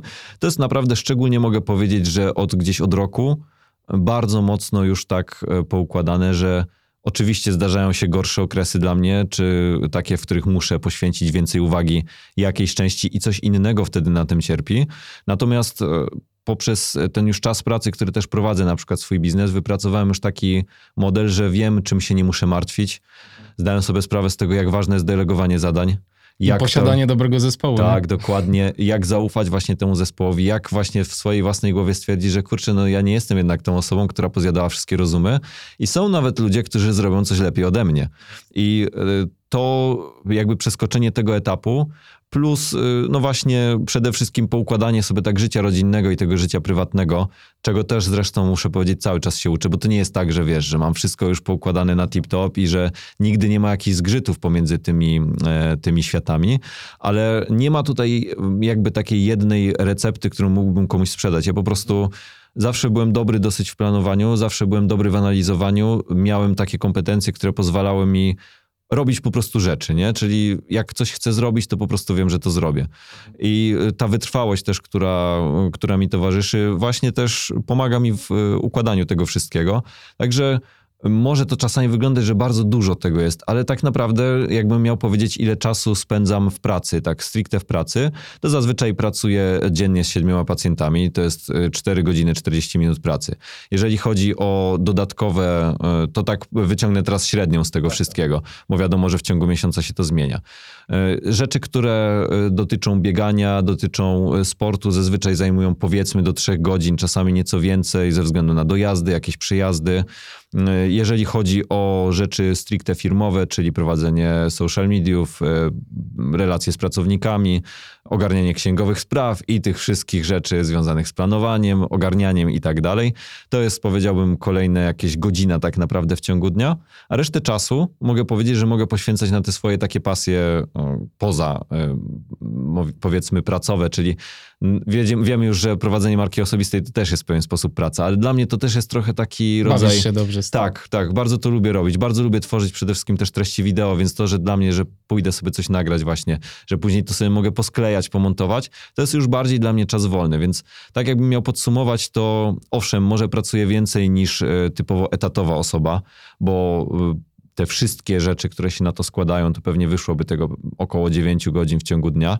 Natomiast to też nie jest takie zmęczenie, które odbiera mi później chęć do robienia innych rzeczy i które odbiera mi jakby to, że nie jestem w stanie odpoczywać. Tego też zresztą się nauczyłem, mogę powiedzieć, dopiero w zeszłym roku, czyli pewnie sam też tak masz, że często, jeżeli się jest taką osobą, która lubi dużo robić, właśnie lubi projekty nowe, lubi różne rzeczy, to robienie tego wszystkiego też nakręca umysł tak, że cały czas jesteś w tej spirali myślenia, myślenia, myślenia, myślenia, myślenia i nie umiesz się za bardzo z tego wyłączyć. Ja to uważałem przez długi czas za coś bardzo takiego. Yy, normalnego, bo to dla mnie jest normalne. Ja lubię myśleć bardzo, ja lubię wymyślać, ja lubię tworzyć, tylko że z kolei zau zacząłem zauważać, że to na przykład wpływa na moje relacje e, z żoną chociażby, że bardzo dużo, jak, e, jak żona mi powiedziała, że dużo czasu spędzam sam ze swoimi myślami i że cały czas coś przetwarzam, nie? A jednak ten czas taki, powiedzmy, przetwarzania też tego, co robi ta druga osoba obok ciebie, to jest e, ważniejszy chyba niż wszystko inne, co robię w ciągu dnia i też staram się jakby układać, e, układać też dzień już coraz bardziej tylko pod to. Ale właśnie to wypracowanie i ta ciężka praca, którą poczyniłem też w poprzednich latach, bo to tak kolorowo nie wyglądało, to jak rozwijałem biznes, to potrafiłem pracować po 12 godzin dziennie z pacjentami, później ogarniać social media, iść na trening, więc tak naprawdę mój dzień trwał powiedzmy 16 godzin około przez pierwsze 2-3 lata, co oczywiście też się odbiło w pewien sposób na zdrowiu, ale teraz mogę powiedzieć, że zbieram tego owoce i mogę już na przykład y, bez żadnego problemu, tak jak w tym roku byłem 3 tygodnie na obozie na Teneryfie, zostawić e, działalność gabinetu. Ja wiem, że tam są osoby, które ogarną wszystko. Ja mogę zdalnie ogarnąć wszystkie formalne kwestie. Natomiast wiem, że mam świetnych pracowników, że swoimi kompetencjami wypełniają tą dziurę, która została po mnie. Więc tak to wygląda. Nie ma to jakiegoś bardzo dużego sekretnego środka. Oczywiście wymaga to planowania, wymaga to pewnej takiej energii mentalnej, którą na to poświęcam ale nie jest, dla mnie to nie jest nic trudnego, że jeszcze mogę to powiedzieć, że naprawdę dla mnie ogarnianie tych wszystkich rzeczy i obserwacja właśnie tego, jak niektóre cele się spełniają, jak niektóre trzeba modyfikować, jak czasami trzeba pivotować w swoim podejściu do różnych rzeczy, to jest też no, mega fan, tak jak prowadzenie firmy chociażby, że to też jest taki mega fan, że owszem, ryzykuje się często dosyć dużo, ale ten taki risk-reward ratio jest taki bardzo wysoki często i pomimo tego, że są rzeczy, które się nie udają, to jest naturalne, to tak jak w sporcie zresztą, to to, jak już osiągniesz swój jakiś cel, to jest naprawdę mega. Więc w końcu mogę powiedzieć, że tak w tym zeszłym roku szczególnie, w tym 2022 mogłem już wygospodarować dużą część czasu na to, żeby powalczyć o swoje takie sportowe trochę cele i marzenia. I stąd się pojawiła właśnie współpraca chociażby z trenerem, do której też zresztą namówiła mnie żona. E, jakby opieprzyła mnie za to, jak wygląda mój trening, jak okay. to wszystko robię. Opieprzyła mnie też za sposób mojej e, diety, która nigdy nie była zła, ale później się okazało, że robiłem różne błędy. Więc podjąłem współpracę z trenerem, podjąłem współpracę z dietetykiem i dzięki temu też mogę powiedzieć, że uwolniła się pewna ilość rzeczy w mojej głowie i tak naprawdę mam więcej czasu dzięki temu, nie? No tak. Więc y, u mnie takim złotym środkiem jest często to, żeby zdawać sobie sprawę z tego, że to nie wszystko ja muszę zrobić. I takie słowo w głowie mi się często pojawia, że Dominik, słuchaj, wystarczy.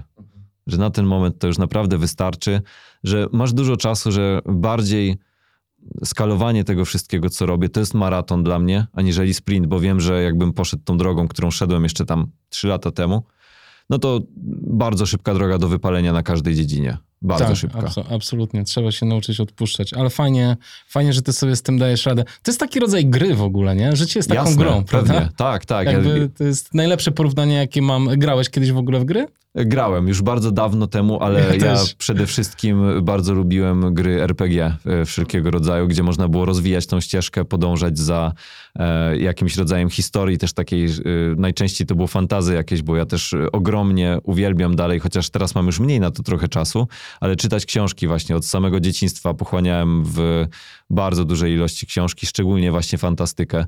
I to tak ze mną zostało w tych grach, więc później można powiedzieć, myślę, że trochę to przenosimy też na to takie życie już bardziej, nazwijmy to poważne i w realu, nie? Że e, jednak widzimy, że to stawianie sobie jakieś ścieżki, idziesz, budujesz jakąś swoją historię i fajnie jest ją przeżyć też w taki sposób rzeczywiście, jak ty chcesz, nie? A nie jak Tak, cię... absolutnie. Absolutnie, to jest wspaniałe.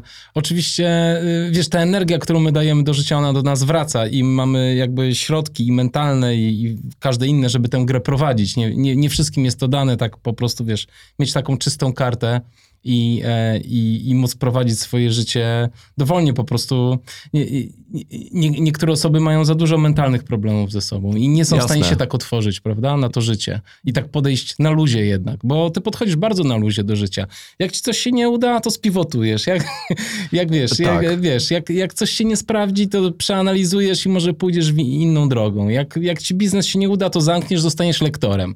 I wiesz, i, prawda? Dokładnie. I ten, I ten sposób podejścia do życia, e, stary, no, zawsze będzie dobrze jakby. Tak, a jednocześnie muszę powiedzieć też, że dla, dla osób, którym się może to e, wydawać takie trudne rzeczywiście, żeby to wszystko robić, albo że się boją, e, to ja tak naprawdę, ja mam bardzo, określiłbym jak tak inwestycyjnie patrząc pod kątem, pod kątem różnych rzeczy, ja mam taką średnią tolerancję do ryzyka. Ja nie jestem osobą, która tak po prostu potrafi sobie tam skoczyć i, i coś zrobić. Ja jestem tą osobą, która musi przeanalizować, musi przemyśleć i coś zrobić, więc to też nie jest tak, że wiesz, że tak sobie po prostu stwierdzam, że okej, no to się ruszamy tutaj czy coś. To Nie, no byłoby- oczywiście, to nie tak. jest na wariata, tak? To tak. nie, jest, to, nie jest na, to nie jest na wariata, więc myślę, że to, co powiedziałeś, że e, i to, co też widzę zresztą u bardzo wielu naszych pacjentów, którzy do nas przychodzą, że tych problemów, które nabudowały się przez lata i zdrowotnych, i mentalnych, i środowiskowych jest tak dużo, że najpierw trzeba by się z tego wygrzebać, żeby rzeczywiście móc poprowadzić swoje życie w troszkę innym kierunku czasami.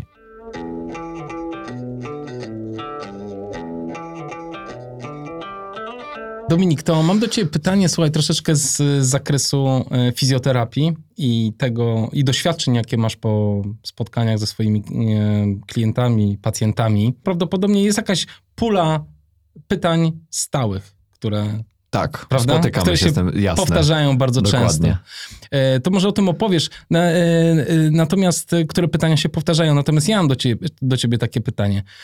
Po ilu kilometrach należy zmieniać buty do biegania? Po jakim tak. kilometrażu? To jest bardzo ciekawa kwestia i tutaj, e, tak jak każdy specjalista z zakresu zdrowia, odpowiem, to zależy. Bo to oczywiście zależy od tego, jaki model buta, do czego on jest przeznaczony, e, jakim terenie biegamy, e, jak go użytkujemy. Więc ogólnie rzecz biorąc, but powinno wymieniać się w momencie, taki już to jest taki totalny, e, taki, taki, taki próg, w którym rzeczywiście się to powinno wymieniać. W momencie, w którym but za, zaczyna zmieniać sposób, w jaki normalnie biegamy, czy zaczynamy odczuwać dyskomfort związany z założeniem tego buta, w którym nie odczuwamy go w innym bucie, to jest moment, żeby go wymienić. I to niezależnie od tego, czy jest to 200, 400, 600, 800 czy 1000 kilometrów, po prostu taki moment w każdym bucie w pewnym momencie zachodzi, że na przykład zmienia się kompletnie sposób, w jaki ustawiamy stopę w trakcie kontaktu y, z podłożem, bo na przykład ubiła się bardzo mocno pianka napięcie i nie jesteśmy w stanie na przykład zbiegać przez piętę, tylko zaczynamy lądować śródstopiem i zaczyna się pasmo problemów czasami, które od, od tego wynika. Więc y, przede wszystkim warto się posiłkować tym, jak dany but też wygląda w trakcie takiego naszego normalnego użytkowania. I jeżeli zauważymy, że przede wszystkim podeszwa zaczyna być na bieżniku bardzo mocno starta, że praktycznie nie widać już wyżłobień, które e, producent tam nam dał, że pianka zaczyna robić się taka ubita i tutaj jest charakterystyczne takie, taka oznaka zużycia butów, że pianka robi się taka bardzo mocno pomarszczona. To już nie mówimy tutaj o tym, że tak jak każdy normalny but przy użytkowaniu będzie wykazywał objawy tego zmarszczenia pianki, ale taka pomarszczona pomarszczona pianka wiąże się z tym, że my praktycznie ją dotykamy i ona jest twarda często jak skała. Mhm. I, Że nie odbija w ogóle. tak, dokładnie.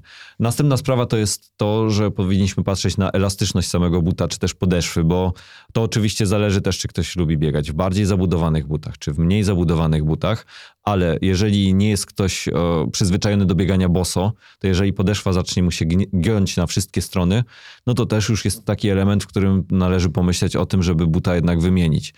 Oczywista sprawa uszkodzenia cholewki, szczególnie takie, które pojawiają się przy połączeniu cholewki z podeszwą, też wbrew pozorom to wielu ludzi biega w takich jeszcze butach, ale one tak naprawdę, szczególnie w butach trailowych, powinny być dosyć szybko wymienione, bo to tworzy bardzo proste ryzyko. Po prostu urazu mechanicznego na podstawie dostania się kamienia do buta, czy przebicia nawet korzenia, przebicia e, jakiejś gałęzi i możemy się w bardzo głupi sposób nabawić bardzo prostego urazu. Jeżeli chodzi też o same buty biegowe, to warto się przyjrzeć temu, jak inne modele z danej e, linii do tej pory wytrzymywały, bo oczywiście są buty, wiesz, które wytrzymają półtora tysiąca kilometrów, będą wykazywały takie same, e, takie same właściwości amortyzacyjne, będą wykazywały takie same wsparcie dla stopy. Biomechanika nie będzie zmieniona, my będziemy się cały czas czuli w nich dobrze, okej, wtedy w nich biegajmy.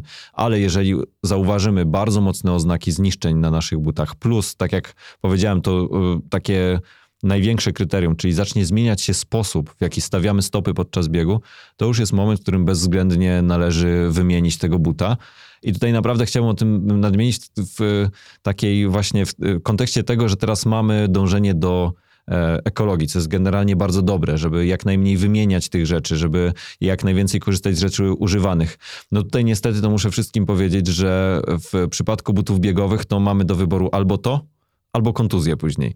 Ponieważ to, że Kilian pokazuje, że przebiegł na przykład 1500 km w swoich butach, widząc jak te buty wyglądały, to to, że Kilian nie ma kontuzji jest tylko i wyłącznie związane z jego świetnym zaadaptowaniem do wielu, wielu lat przebywania w górach. Natomiast jeżeli ktoś będzie próbował zrobić to samo, to to, co widzę u naszych pacjentów, to jest bardzo często właśnie niewymienianie tych butów, i później kontuzje na zasadzie przeciążeń, najczęściej właśnie w obrębie piszczeli czy też achillesów. Więc trzeba uważać też trochę idąc za takimi trendami, bo oczywiście dbałość o środowisko to jedno, ale też dbałość o nasze stopy to drugie, więc jeżeli chcemy, no to rzeczywiście możemy wybierać buty, które wytrwają nieco dłużej, kosztem czasami może dynamiki czy jakiegoś innego komfortu, ale ogólnie rzecz biorąc skupiajmy się na tym przede wszystkim, jeżeli ciało da, da nam sygnał, że kurczę, biegnie mi się coś tak inaczej już w tych butach, że jakoś twarde jest to lądowanie, albo no, nie jest to takie odbicie, jak było kiedyś, albo no tak jak jest u nas, czyli no biegamy po błocie i nagle uślizgujemy się, bo bieżnik już nie jest ten, no to to jest moment rzeczywiście, w którym buta należy wymienić. E, No właśnie, ale to też jest, słuchaj, e, bardzo osobnicza rzecz. Masz e, kilka różnych osób, ta sama para butów, powiedzmy, że z tej samej serii i każdy i tak e, inaczej wykorzysta tego buta. Jasne, w sensie oczywiście. Dla, każdego, dla każdej z tych osób on się zniszczy w innym momencie. E, I są w ogóle ogromne dyskusje, które marki są dobre, które są niedobre i ktoś mówi, a ten but mi padł po 150 kilometrach, a drugi mówi, co ty gadasz, ja w nim biegam 800, No jest okej. Wiesz o co chodzi? Tak. I są, I są, wiesz, takie odwieczne walki, jakby ludzie nie chcieli zrozumieć, że kurczę, to naprawdę zależy od tego, kto ma te buty na nogach. Tak samo Kilian na pewno e, pewnie biega lekko, pewnie biega fajnie technicznie, e, wie jak stawiać nogę na skalę i on sobie pobiegnie 1500 w swoich butach, a kto inny pobiegnie 300. No. Dokładnie i to jest właśnie też to, że popatrzmy na przykład na mnie i na ciebie, jak tu siedzimy. No jesteśmy zupełnie różnymi osobami nawet z wyglądu, nie? I ludzie zazwyczaj nie biorą pod uwagę tego, że but jest robiony jakby dla pewnej średniej wyciągniętej z populacji. I jeszcze do tego różnią się te średnie pomiędzy producentami na podstawie ich doświadczeń i nie można naprawdę podpasowywać każdego pod tą średnią, ponieważ to, że dana osoba e, będzie na przykład miała nawet nieco bardziej wypłaszczoną stopę, co się będzie wiązało z tym, że chociażby podczas uderzenia stopą o podłoże ona będzie wydłużać się bardziej niż u kogoś, kto ma stopę bardziej wydrążoną. W związku z tym osoba, która ma bardziej płaską stopę, częściej na przykład będzie doświadczać takiego przytarcia na okolicy dużego palucha. I druga osoba nie będzie w ogóle tego doświadczać i ten powie, kurczę, no popatrz, cholewka się znowu przeciera, że no nie, no, no nie wiem, co oni zrobili z tymi butami i ktoś mu pokazuje tego samego buta, no ale w czym problem? No i właśnie na tym to polega, że przede wszystkim dobierając takie e, buty biegowe, czy skupiając się na tym, e, jak je dobrać, powinniśmy patrzeć przede wszystkim na siebie, owszem, kierować się doświadczeniami kolegów, koleżanek, jeżeli ktoś mówi, że dany but ma takie i takie właściwości, ale i tak nic nie zastąpi doświadczenia, więc jeżeli ktoś wie, że lepiej biega mu się w butach niezabudowanych, w butach, które mają dosyć cienką, twardą podeszwę, responsywnych, szybkich, ale nie biega mu się dobrze w butach mocno zabudowanych, no to niech wybierze tamte, bo prawdopodobnie to jest coś, co mu ciało po prostu mówi. Nasze receptory w ciele po prostu są na tyle czułe, że są w stanie poinformować nasz mózg, czy to jest dobre, czy to jest niedobre w danym momencie. Więc patrzmy zawsze na to, że owszem, doświadczenia kolegi, koleżanki, ok, jak najbardziej możemy się tym kierować, szczególnie jeżeli nie jesteśmy doświadczeni w tym, co robimy. Natomiast przede wszystkim patrzmy zawsze na siebie, zawsze osobniczo na to, jak do tej pory wyglądały nasze doświadczenia i po prostu starajmy się nabudować na tym to na, te nasze wybory, chociażby jeżeli chodzi o obuwie. Absolutnie. A jak przychodzi ktoś do ciebie, żeby się spytać, e, słuchaj Dominik, porać mi buty, mhm. to czy ty jesteś w stanie coś doradzić? Oprócz oczywiście tego, że nie wiem, jakiś bieżnik, e, albo zapytasz się kogoś, po jakich trasach zamierza biegać, czy też e, zazwyczaj jest to odpowiedź, idź do sklepu i przymierz i zobacz ci... Zawsze jesteśmy w stanie doradzić, okay. ponieważ obserwując takie zależności biomechaniczne w obrębie ciała człowieka, patrząc, oceniając tak globalnie, patrząc na kogoś, jak wygląda jego miednica, jak wyglądają stawy biodrowe, kolanowe, stopy i y, oceniając przede wszystkim też to, że jeżeli ktoś przychodzi już z takim pytaniem, oceniając to, jak do tej pory ścierał się na przykład jego but, nie tylko podczas biegania, ale też chodzenia, więc zawsze, jeżeli ktoś chce przyjść z, z czymś takim, to warto ze sobą wziąć buty, w których dotychczas się biegało. I wtedy na podstawie chociażby zużycia podeszwy buta, czy zużycia cholewki, jesteśmy w stanie określić, ok, że na przykład ta osoba może potrzebować nieco więcej wsparcia w tym miejscu, stąd też powinna wybrać buty, które oferują to, to, to i to. I tutaj e, bardzo często są już te właśnie osobnicze preferencje odnośnie marek, więc y, podaję czasami kilka przykładowych modeli, na których można bazować, żeby ludzie wiedzieli, jak to wygląda i już z tą wiedzą ktoś zostaje odesłany, żeby przymierzyć sobie przede wszystkim te buty. Bo ja nie zachęcam nigdy pacjentów do tego, żeby sobie kupowali buty przez internet, jeżeli wcześniej nie mieli ich na nogach. E, to naprawdę może się skończyć, jeżeli nie dużym rozczarowaniem, to czasami problemami zdrowotnymi. Więc zaopatrzony w taką wiedzę może już później rzeczywiście udać się do sklepu i wybrać coś konkretnego dla siebie. Także tak, jak najbardziej jesteśmy w stanie doradzić, e, nie tylko na podstawie tych rzeczy, które ty wymieniłeś, ale też patrząc na daną osobę, jak stoi, później jak się porusza i jak biega, co powinna sobie zafundować, jeżeli chodzi o buty. Przejdźmy do pytań od Twoich pacjentów. Jasne. Jakie się pojawiają najczęściej?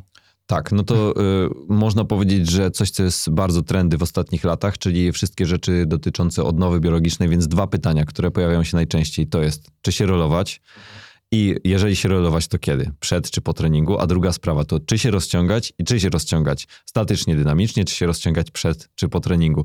To jest tak naprawdę coś, y, co w świecie biegowym jest obecne od bardzo dawna i mm, też nie ma oczywiście tutaj takich jednoznacznych odpowiedzi, natomiast jest kilka takich wytycznych, szczególnie odnośnie rozciągania, ponieważ y, panował przez bardzo długie lata i trochę teraz też widzę, że to panuje, taki trend do tego, żeby mieć jak największą mobilność wszędzie, gdzie się da. A po raz kolejny jest to tylko po części składnik naszego prawidłowego, zdrowego kroku biegowego, ponieważ niektóre tkanki, takie jak na przykład ścięgno Achillesa, one wcale nie powinny być bardzo mocno elastyczne.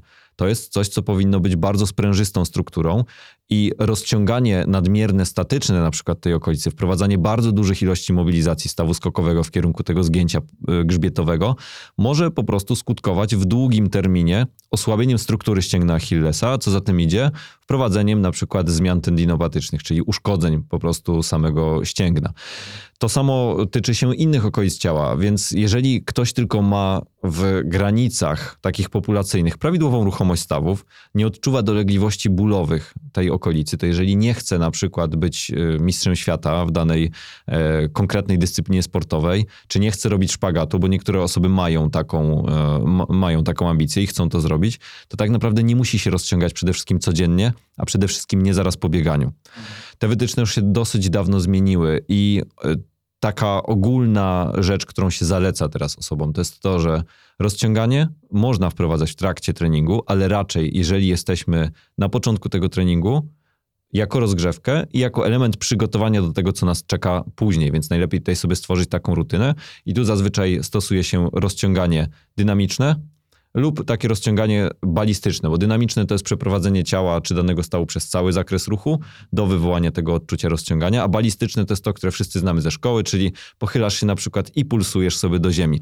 I to jest naprawdę dobre przygotowanie tkanek miękkich do tego, co macie czekać, bo wykorzystujesz właśnie te zdolności sprężyste tkanki i pobudzasz to tak naprawdę. Natomiast jeżeli chcesz, jeżeli przydaje ci się to w jakimś stopniu, albo jesteś osobą, która rzeczywiście ma bardzo dużo tego bezruchu też w ciągu dnia, to raz, dwa razy w tygodniu można wprowadzić sobie taką sesję rozciągania też statycznego, które działa w nieco inny sposób i ono zupełnie inaczej oddziałuje na układ nerwowy. Tam już dochodzi do wywołania pewnych takich e, zmian w pobudliwości mięśni, które jeżeli, uwaga, rozciąga się nieprawidłowo albo rozciąga się bardzo szybko, i bardzo silnie prowadzą do rzeczy odwrotnej, którą chcemy osiągnąć, czyli do tego, że mięsień zwiększy swoją sztywność, tkanka zwiększy swoją sztywność i tak naprawdę zakres ruchu finalnie będzie mniejszy. Więc jeżeli już mamy wprowadzać coś takiego, to tak naprawdę raz, dwa razy w tygodniu w zupełności wystarczy, a nie trzeba się rozciągać po każdym treningu, tak jak to było kiedyś mówione. I podobnie też jest z rolowaniem. Rolowanie tak naprawdę mm, tu po raz kolejny, jeżeli ktoś nie odczuwa dolegliwości bólowych, jeżeli ktoś nie czuje nadmiernej sztywności mięśni, jeżeli ktoś nie zmaga się w danym momencie z jakąś konkretną kontuzją i nie ma zaleceń konkretnych od specjalisty, aby na przykład mobilizować tą tkankę, to rolowanie może traktować tylko i wyłącznie jako taki środek wspomagający od czasu do czasu i na pewno nie powinno się też robić czegoś takiego, że idziemy na trening, szczególnie powiedzmy jest to bardzo, bardzo długi trening, idziesz powiedzmy na 3 godziny biegania w górach i później skakujesz sobie na roller.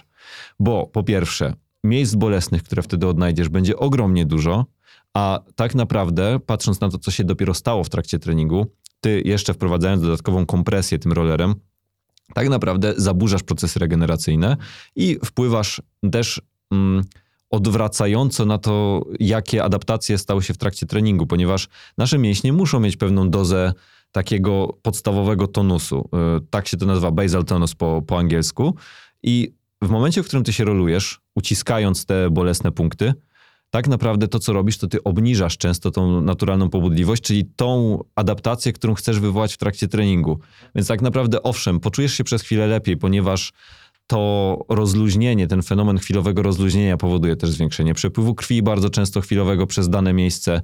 Ty poczujesz ten błogi taki stan właśnie, że o, ale fajnie, że łydeczka taka, taka przyjemna, ale w kontekście treningu na przykład biegowego nie jest to zbyt dobra sprawa, ponieważ no wracamy tutaj do tego pierwszego punktu, czyli tkanka, która ma być do czegoś dostosowana, ty zmieniasz to dostosowanie. Więc jeżeli ktoś ma jakiś problem bólowy, powiedzmy, i y, fizjoterapeuta czy też osteopata zaleca mu, że rzeczywiście jest tutaj taki problem lokalny tkankowy, który możesz sobie właśnie mobilizować, to zazwyczaj dostaje konkretne zalecenia, jak to robić, ile tego robić i przede wszystkim, żeby nie robić tego na zasadzie takiego walca. To jest też bardzo ważne, że wiesz, rolowanie naprawdę nie jest bardzo skuteczne wtedy, kiedy przejeżdżamy od y, samego jednego stawu do drugiego, tylko tak naprawdę skupianie się na tych małych takich miejscach, które rzeczywiście wywołują maksymalną bolesność, zazwyczaj tak to y, określamy, i większą efektywność masz przez 3 minuty rozluźniania jednego miejsca niż przez 15 minut jazdy po całości. I oglądanie filmu. I oglądanie filmu, tak. Więc y, znacznie lepiej tutaj w kontekście regeneracji na przykład położyć się na macie akupresurowej niż jeździć cały czas właśnie takim, e, takim rollerem. Znacznie lepiej jest w kontekście regeneracji pójść zrobić sobie prysznic na przykład naprzemienny, zimno z ciepłym, czy jeżeli ktoś lubi przed treningiem rano, na pewno nie po takiej samej jednostce treningowej, ale zrobić sobie na przykład zimny prysznic, czy ktoś lubi morsować, to jak najbardziej. To są znacznie lepsze interwencje do y, samego rolowania, które ma głównie taką bardzo krótkotrwałą, y, jakby krótkotrwały czas trwania. I jeżeli chcemy tak naprawdę zadbać o swoją regenerację, no to tutaj zupełnie inne rzeczy, bardzo prozaiczne wchodzą w grę, a nie skupianie się właśnie na tym takim robieniu jeszcze więcej. A jak jogę traktujesz? Jako rozciąganie statyczne? Mm, nie. No, musimy też tutaj powiedzieć, że yoga to nie jest tylko tak, jak ludzie myślą, że to jest wprowadzanie się w pozycję, trwanie w tej mhm. pozycji, tylko to jest bardzo dynamiczny tak naprawdę sport i podejście do ciała. No to jeszcze e, zależy chyba jaka Jasne, yoga, nie? Zależy, zależy jaka yoga i czy ona też jest połączona właśnie z jakimiś rodzajami medytacji, ale zauważ, że każda sesja jogi to jest przechodzenie płynne od jednej pozycji do drugiej i ono często odbywa się w bardzo fajnych wzorcach. Ono się bardzo często odbywa też niekoniecznie tylko i wyłącznie z rozciąganiem, ale też właśnie z przytrzymaniem pewnej postawy ciała, więc z aktywacją określonych okolic.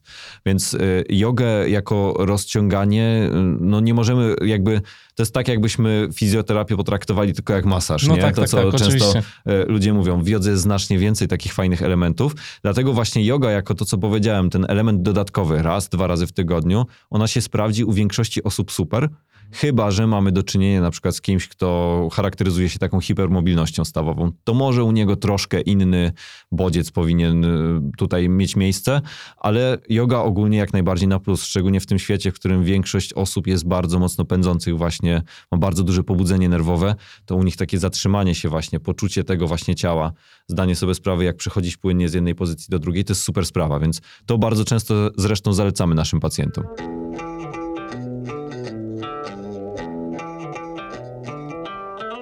Miałeś jeden taki filmik, w którym ładnie mówiłeś o tym, czy biegać z bólem Okej. i czy można zabiegać Jasne. ból. E, Ja od razu powiem, że ja jestem gościem, który zabieguje ból. Ale podczas treningu czy podczas zawodów?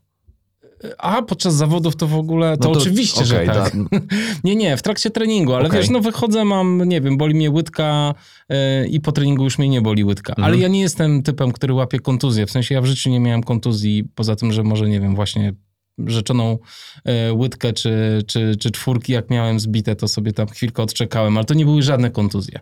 W każdym razie ja na przykład jestem gościem, który uważa, że można zabiegać ból, ale znam też mnóstwo przypadków i też profesjonalistów, którzy biegali z bólem i nie skończyli dobrze. I ty ładnie tłumaczysz o tym, jak rozróżniać ból. Mhm. Są takie przede wszystkim trzy kryteria, do których przejdę zaraz, ale zanim e, o tym powiemy, to warto wspomnieć o tym, że właśnie nie każdy ból znaczy od razu uszkodzenie. Ból to jest pewne zjawisko takie psychofizjologiczne, które łączy się z odczuwaniem po prostu, nazwijmy to ogólnie, bardzo nieprzyjemnych bodźców. I Niekoniecznie one muszą być typowo mechaniczne, wynikające właśnie z uszkodzenia tkanki. To może być czasem podrażnienie chemiczne, to może być czasem też ból taki typowo psychosomatyczny, psychologiczny. Dlatego też nie powinno się też budować w ludziach właśnie czegoś takiego, że jak cię boli, to od razu przestań, bo to może wpłynąć na późniejsze wzmacnianie jakby tych wzorców bólowych i y, prowadzić do czegoś takiego, co nazywamy kinezjofobią, czyli strachem przed ruchem, co często obserwujemy na przykład u osób, które mają przewlekłe dolegliwości kręgosłupa lędźwiowego i nie schylają się, bo się boją schylać, bo kiedyś coś się tam postrzyknęło. A tak naprawdę to jest taki później błędne koło, czyli unikasz danej czynności, nie masz do niej dostosowania, więc znowu znacznie bardziej wzrasta ryzyko, że coś się podczas niej stanie i wystąpi już ból, który na przykład wynika z uszkodzenia. Więc nie każdy ból to jest od razu uszkodzenie i nie każdy ból od razu trzeba traktować tak, o Boże, lecę do fizjoterapeuty, lecę do ortopedy, muszę brać leki przeciwbólowe. Ból jest naturalnym sygnałem płynącym z naszego ciała. I jeżeli ból jest zawarty w takich trzech kryteriach, szczególnie jeżeli mówimy o aktywności fizycznej, czyli jest on mniej więcej w takiej skali od 0 do 10, gdzie 0 to jest całkowity brak bólu, a 10 to jest taki maksymalny ból, który my jesteśmy sobie w stanie wyobrazić, czyli dla kobiet ból porodowy, dla mężczyzn może bardziej kolka e, nerkowa, zawiera się do takiej czwórki. Drugie kryterium, nie pogarsza się w trakcie trwania wysiłku, tylko zostaje na tym stałym poziomie. I trzecie kryterium, po zakończeniu aktywności, czy też na następny dzień po zakończeniu aktywności, spada do poziomu wyjściowego, bądź znika całkowicie jest to jak najbardziej bezpieczna sprawa, więc to, że kogoś zakuje od czasu do czasu coś w okolicy łydki, że ktoś poczuje jakieś pociągnięcie, że ktoś odczuwa e, popularne zakwasy, czy też zespół opóźnionej bolesności mięśniowej, nie znaczy, że on nie może wyjść wtedy na trening, nie znaczy, że on nie może kontynuować tego wysiłku i nie znaczy, że robi sobie coś tym złego. I to właśnie tyczy się tak naprawdę każdego bólu, który odczuwamy w życiu. Natomiast jeżeli te trzy kryteria zaczynają być niespełniane, zaczyna któreś z nich wychodzić ponad szereg, to owszem, może to być też jednorazowa sytuacja, więc tego też nie demonizujmy. Natomiast jeżeli zdarza się to regularnie, zazwyczaj mówimy tu o takim kryterium trzech następujących po sobie dni, to już może świadczyć o tym, że wymaga to jakiejś pomocy specjalisty i wtedy właśnie dobrze jest się udać do fizjoterapeuty, do osteopaty, który też może właśnie na takiej zasadzie uspokoić bądź wprowadzić bardzo prostą interwencję, czy też modyfikację aktywności fizycznej i nie dopuścić do rozwijania się danej kontuzji. I tak naprawdę, gdybyśmy popatrzyli na większość kontuzji, które mamy w bieganiu, to są bardzo często kontuzje typowo przeciążeniowe, czyli wynikające z tego, że robiłem zbyt dużo, zbyt szybko, bądź właśnie nie rozpoznałem w porę tych sygnałów płynących z ciała. I osoby, które rozbiegują ból albo, no wiesz, już wychodzą właśnie, widać, że utykają, walą sobie ibuprofen przed biegiem, później jakoś to przebiegną, ale później wyglądają jak siedem nieszczęść po tym biegu. Oj nie, nie, I się- proszków to ja nie biorę, ale... I się wszystko tak. jeszcze powiedzmy później pogarsza, no to już nie jest zbyt zdrowe, nie? Bo można też wpaść właśnie w taki, w taki strach też przed wyłączeniem e, trochę ze sportu, że ktoś się boi, że uciekną mu lata pracy, e, w tym właśnie przez to, że odpuści sobie jeden, dwa treningi, a tak naprawdę jak popatrzy na to w szerszej perspektywie, to te trzy dni przerwy na przykład, trzy dni odpuszczenia albo treningu zastępczego, bo my też jako specjaliści bardzo często zalecamy w momencie, w którym nie mamy możliwości na przykład uprawiania sportu podstawowego, od razu trening zastępczy, żeby nie tracić właśnie dostosowań ze strony układu kardiologicznego, oddechowego, tak żeby podtrzymać tego zawodnika też Brzuszki, takiej par- planki. no pewnie, partycypacji w tym sporcie. Natomiast jeżeli ktoś już zaczyna to wszystko ignorować, no to później te trzy dni, które poświęci na to, że a jednak sobie potrenuje z tym bólem, mogą się przerodzić w to, że nie będzie leczył tego trzy dni, tylko będzie to leczył na przykład trzy tygodnie albo długie miesiące. Nie każdy ból jest po prostu oznaką uszkodzenia, ale jeżeli w tych trzech kryteriach, o których powiedziałem, coś już zaczyna nie grać, wtedy możecie zacząć szukać pomocy specjalisty. Jasne, dzięki bardzo. Ja w ogóle ostatnio miałem ciekawe doświadczenie, bo y, złapał mnie półpasiec Okej. i, i mnie wyłączyło na trzy tygodnie, ale byłem, wiesz co, y, i, czyli sobie właściwie to było takie roztrenowanie, ale to nie było takie roztrenowanie, że po sezonie zmęczony robię roztrenowanie i wracam, tylko byłem w takim gazie lekkim. I powiem ci, byłem w szoku, jak ja szybko wróciłem do, do pełnej sprawności przed tą przerwą, jakby. W sensie te trzy tygodnie, właściwie po tygodniu już byłem na tym samym poziomie, przynajmniej tak się czułem, na tym samym poziomie, co przed tym, e, przed tym wydarzeniem, przed tą chorobą. I to też fajnie pokazuje, że, e, że to odpuszczenie to nie jest koniec świata. Jasne, a czasami nawet prowadzi do poprawy, nie? A, a absolutnie, absolutnie. Jasne. E, To nie było nic miłego. Ja tylko widziałem, wiesz, jak wchodzę na strawy, to miałem, mam moim defaultowym ekranem jest e, ekran, gdzie, gdzie widzę swój fitness, no więc Mhm. wiesz, jak tam wchodziłem od czasu do czasu, to widzę tylko, wiesz, jak ta krecha idzie w dół i się łapie za głowę, i co to będzie, co to będzie. Ale tak naprawdę ta krecha też nie ma żadnego przełożenia na nasze Oczywiście. wytrenowanie. To tylko oznacza, że trenowałeś długo bez dłuższych przerw. I Dokładnie. to tyle. Więc e, ja w tej chwili ten poziom fitnessu mam chyba o 30 punktów e, mniejszy, a wyniki mam dokładnie te same, więc to jest w ogóle... Dokładnie. I czasami, czasami właśnie to jest y, to, o czym też mówiłem wcześniej, że właśnie bardzo często to mocne skupienie się na aktywności, takie dążenie do celu i próba wykonania wszystkiego, jak to trenerzy zawsze mówią, papier wszystko przyjmie. Próba wykonania wszystkiego tak naprawdę często jest gorsza niż bycie jakby na 80% tylko tym zawodnikiem, który wszystko zrobił i zadbał o siebie w tym odpowiednim, odpowiedni sposób, a te 20% zostawił na normalne życiowe na przykład sytuacje, które dopadają tak naprawdę każdego z nas. I to też jest bardzo duży czynnik kontuzji, szczególnie u bardzo młodych osób często, które mają też presję ze strony środowiska, tak jak my to obserwujemy w gabinecie, y, presję ze strony rodziców, że u nich tak naprawdę tą podstawową przyczyną może nie jest już nawet przeciążenie, tylko to jest właśnie to obciążenie psychiczne, ten stres, który jeżeli jest na odpowiednio wysokim poziomie przez dłuższy czas, on nie musi się wiązać z odczuwaniem tych fizycznych takich symptomów stresu, ale podniesione na przykład poziomy kortyzolu przez dłuższy czas, no nie oddziałują dobrze na regenerację. Więc to samo można też powiedzieć tak osobom właśnie, które się bardzo mocno skupiają na tych liczbach, cyferkach, urządzeniach, że tak naprawdę zostawmy to na chwilę często, zobaczmy jak my się czujemy, bo jeżeli ciało nam mówi, że kurczę, dzisiaj może nie jest ten dzień, żeby zrobić y, kolejny mocny akcent, tylko żeby sobie na przykład wyjść pobiegać albo wyjść sobie na spacer, no to czemu nie? To prawdopodobnie jest to, czego potrzebujesz w tym dniu i będziesz miał z tego większe korzyści, aniżeli zrobienia tego cięższego treningu. Absolutnie. I myślę, że biegacze bardzo nie doceniają e, takich jednostek jak właśnie dwugodzinne, spokojne spacery. Myślę, że, myślę, że tak I, i znacznie bardziej się przecenia ten taki etos y, bardzo ciężkiej pracy nad umiejętnością właściwego odpoczywania. To, I to też jest właśnie jedna z rzeczy, o którą y, często ludzie pytają, czyli jak się regenerować, że co ja mam robić, żeby się regenerować? I odpowiedź zawsze jest jedna. Spać. Dominik, jest- bardzo dziękuję, że to No. powiedziałeś. Ty wstajesz o 5 rano, chciałem ci przypomnieć. Czasami tak, czasami zdarza mi się oczywiście i to jest ta reguła 80-20, o której mówię. Mhm. Natomiast e, jakbym popatrzył na średnią długość swojego snu mniej więcej od pół roku, to byłoby to 7,5 godziny do 7 godzin 20 minut i to jest dla mnie na przykład odpowiedni, e, odpowiednia ilość snu, żeby się zregenerować. Bo jeżeli oczywiście mamy czasami, tak jak mówiłem, każdy w życiu ma momenty, w których musi coś inaczej zrobić.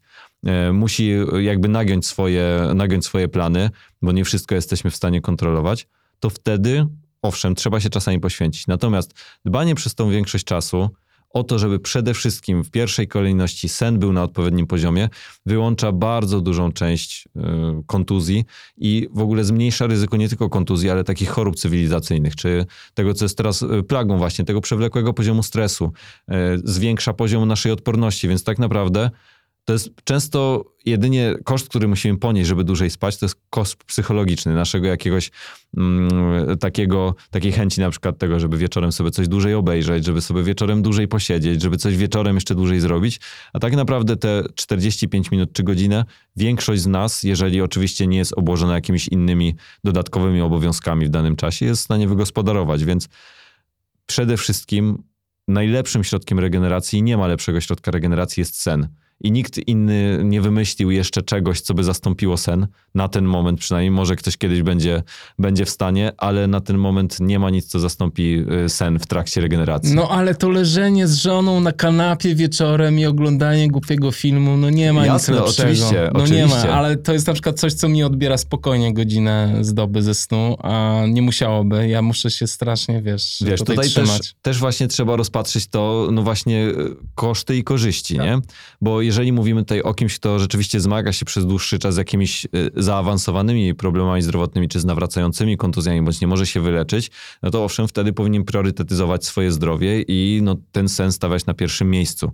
Ale z kolei, jeżeli mamy drugą część, czyli tą część społeczną, w której często funkcjonujemy, bo ogólnie rzecz biorąc teraz takim najbardziej stosowanym w każdej dziedzinie medycyny y, modelem jest taki model biopsychospołeczny, który analizuje nas w tych trzech właśnie kategoriach.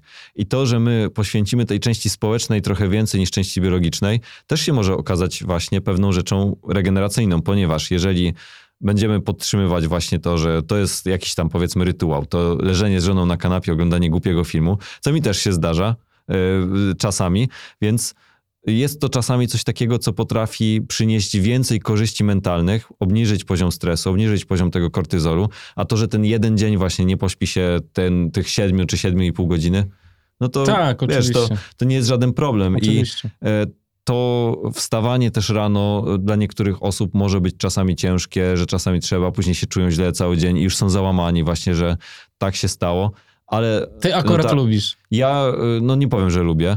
E, Jakby lubię to, że e, jest już e, dzień wcześniej rozpoczęty, że są pewne rzeczy zrobione, ale znacznie bardziej preferuję swój taki tryb funkcjonowania, który wypracowałem, czyli wstawanie po prostu o godzinie siódmej. Jeżeli muszę, to robię ten trening wcześniej, bo to zazwyczaj wstaję po to, żeby zrobić trening, a nie inne rzeczy, e, żeby mieć później spokojną głowę, żeby treningu nie wciskać po prostu na szybkiego gdzieś w ciągu dnia, bo to nigdy się dobrze u mnie nie sprawdzało.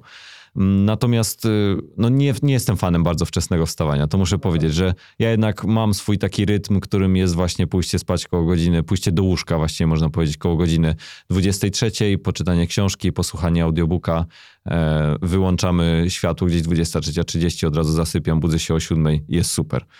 No, ale tak, wstaję, tak jak zauważyłeś, często i o 5. Wychodzi na to, że najważ... jedną z ważniejszych rzeczy w treningu jest po prostu umiejętność odpoczynku i dbania o Tak, siebie. I bardzo. też odkrycia tego, y, kiedy my odpoczywamy, bo to nie umiemy często odpoczywać. Nie wiemy tak naprawdę, co nas relaksuje głęb... głęboko, prawda? Dokładnie. I, I to też jest chyba super ważne. To jest, to jest bardzo istotne i e, to jest jedna z tych rzeczy, które bardzo małym kosztem tak naprawdę mogą przyjść, jeżeli chodzi o dbanie o swoje zdrowie, bo często dosyć już my, jak widujemy się z pacjentami w gabinecie, to zazwyczaj wygląda tak, że ktoś już przeszedł dosyć długi proces adaptacji do tego procesu, w którym on się znajduje, czyli tego, że już jest w jakiś stopniu, nazwijmy to chory, czy ma jakiś rodzaj dolegliwości.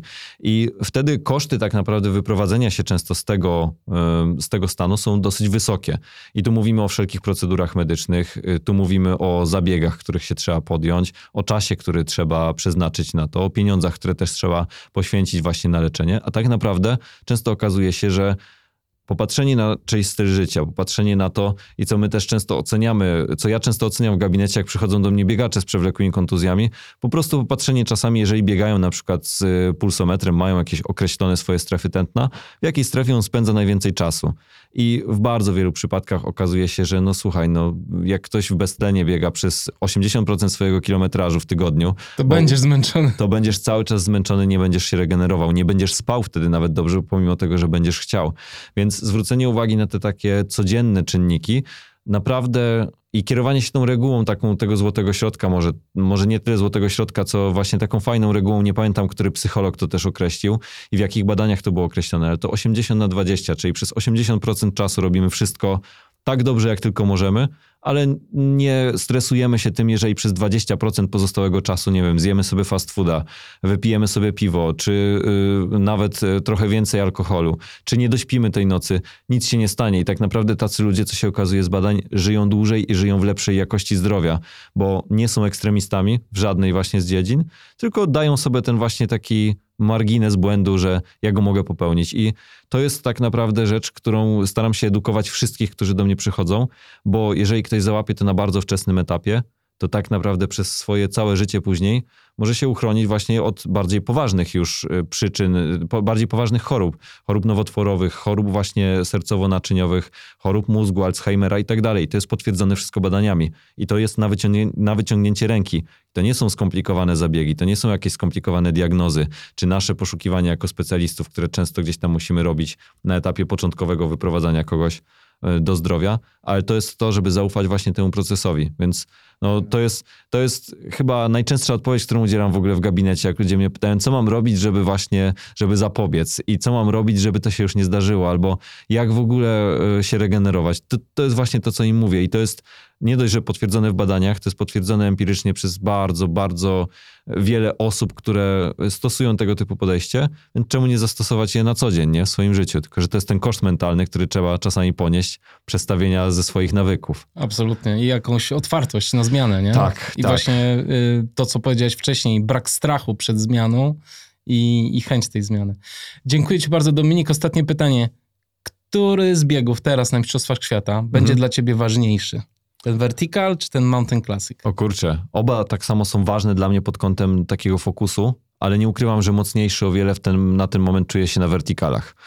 E, samo jakby przejście też do trenera Orłowskiego, e, tak jak ustaliliśmy sobie plan działania na ten sezon, który zakłada takie bieganie w biegach około dwugodzinnych, można powiedzieć i tych krótszych też, po to, żeby wydłużyć się do dystansów maratońskich w przyszłym roku. Też zakładało to, jak mi właśnie szczerze trener na początku współpracy po powiedział, że słuchaj, że może być tak, że w tym pierwszym naszym roku, że złapiesz bardzo mocne, jakby bardzo mocny progres w jednej z tych dziedzin, w której się musisz rozwijać, czyli powiedzmy bieganie e, góra, bieganie dół i bieganie płasko, nie? Więc e, w tym roku widzę zdecydowanie, że bardzo dobrze idzie mi bieganie pod górę. Więc to nie jest tak, że dla mnie któryś start będzie ważniejszy, ale znacznie mocniejszy będę się czuł pewnie na wertykalu. Fajnie, bardzo Ci dziękuję za rozmowę, mega konkretną wiedzę i powodzenia na zawodach. Dzięki. Dzięki wielkie, dam z siebie wszystko i myślę, że wszyscy w reprezentacji. Miło się rozmawiało. Dziękuję bardzo, trzymaj się. Cześć.